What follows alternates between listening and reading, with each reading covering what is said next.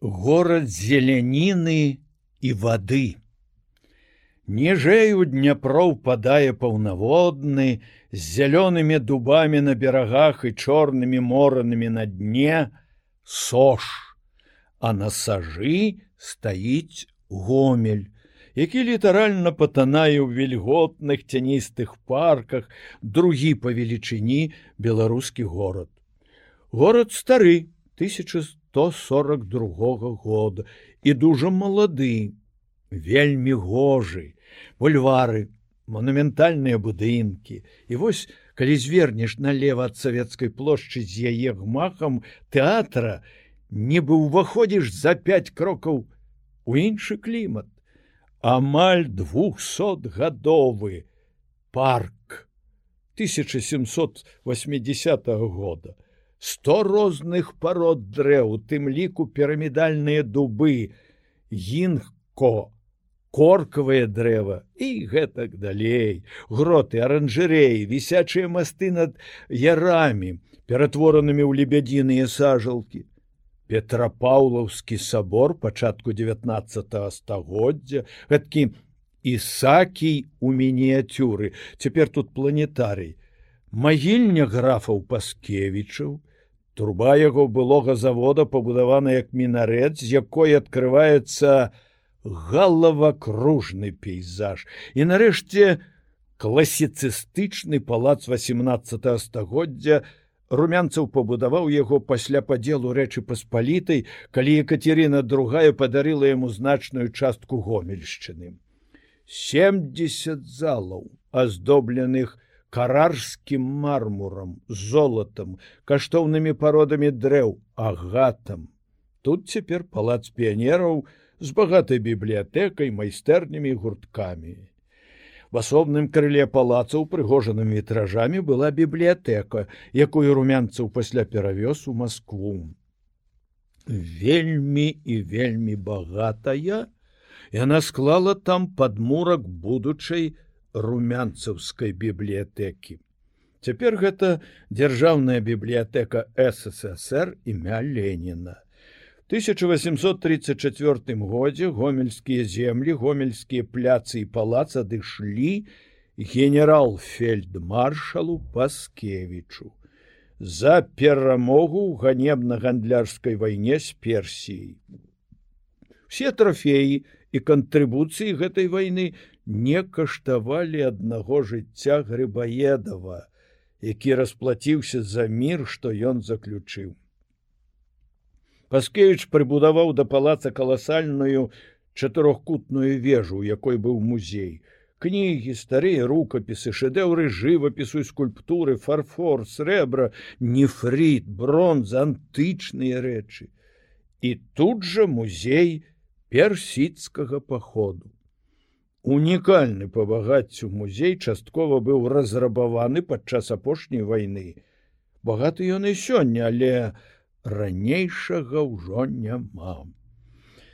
Гомелі раней да рэвалюцыі быў досыць прамысловы шкло, каніны, запалкавыя фабрыкі, вытворчасць карабельнай парусіны і канатаў навецыі, механічныя майстэрні лібава роменскай чыгункі 1200 рабочых, папяровая фабрыка ў добрушы заснавана ў 1870 годзе у 1914 працавала на ёй 1276 чалавек пачатак новай індустрыі у 1930 годзе паклаў беларускі першынец сельскагаспадарчае машынабудавання гомсельмаш фашысцкую акупацыю быў у поўнасцю ператвораны ў руіны. 1948 годзе адноўлены і цалкам рэканструяваны, насычаны самай сучаснай тэхнікай. Гомсельмаш это сіла саўборачныя камбайны, стагакіды, сіла сарэзкі. Мне даводзілася гаварыць аб прадукцыі гомсельмаша з працаўнікамі сельскай гаспадаркі. Хваляць, але вусную пахвалу не дужа запішаш, Таму замест яе прыкладаю паслужны спісак гомельскіх машын няполны 1958 год. Сусветная выстаўка ў бруселі камбайн у кск 2 і 6 першая прэмія гран-пры і дыплом гонару 1966 міжнародная выстаўка сельскагаспадарчых машын у Маскве сіласа уборачны камбайн кс 2 і 6 і трактарны прычэп 2 птс 4 залатыя медалі. 1967 выстаўка у макленбурзе. Камбайн кс 26 залаты медаль. Можа і досыць? Тут ёсць яшчэ кабельны судна рамонтны суднабудаўнічы выпуск суднаў на подводных крылах падшипнікавы завод і заводы трактарных пускавых рухавікоў і выміральных прыбораў гомель буйны рачны порт с прычаламі складамі добрай акваторыяй сліпам для пад'ёму суднаў на бераг добрымі пад'язнымі шляхамі суднаў што прыходзяць з украіны тут выгружаюць соль збожжа метал які ідзе ў прыбалтыку Ленінград, сацыялістычныя краіны і Беларусь хутка будуць выгружаць львоўскую сыравіну для вялізнага завода суперфасфатных угнаенняў. Адсюль на ўкраіну пойдуць гатовыя угнаенні.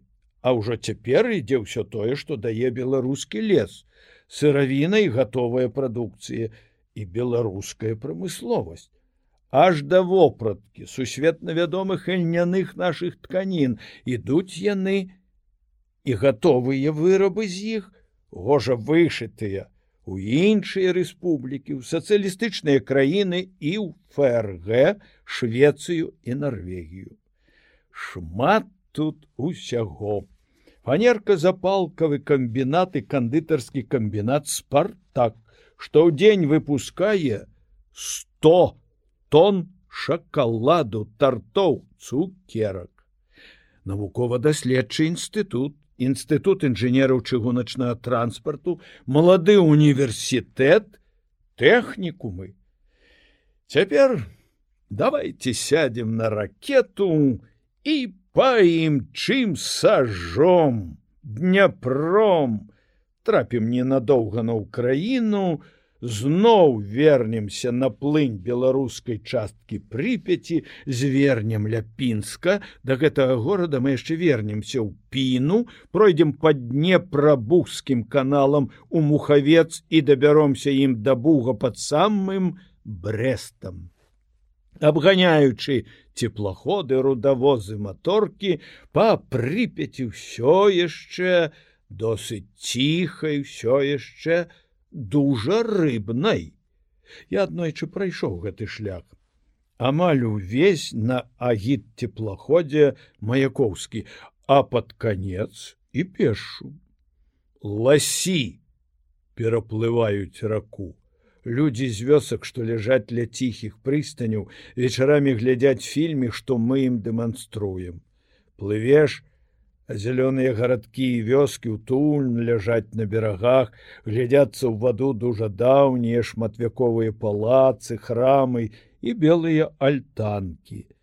Даяркі на ферме, справіўшыся з работай, спяваюць на беразе цудоўныя палескія песні, і фальклорысты нашай экспедыцыі у потай записываюць іх на магнітафон. Волга пераганяе жанчыну ў народным уборы, на якім няма жывога месца ад вышыўкі. І на плечы ў жанчыны збяросты плеценая вярэнька браць ежу ў дарогу. Пінскія велічныя муры ганчарныя вёскі, дзе робяць дасканалы посуд і да гэтага напаўжартам гавораць наша прохвесія самая старая. Бо я дам бу злеплены з гліны, а значыць, не хто-небудзь, а сам Бог быў першы ганчар. і канал.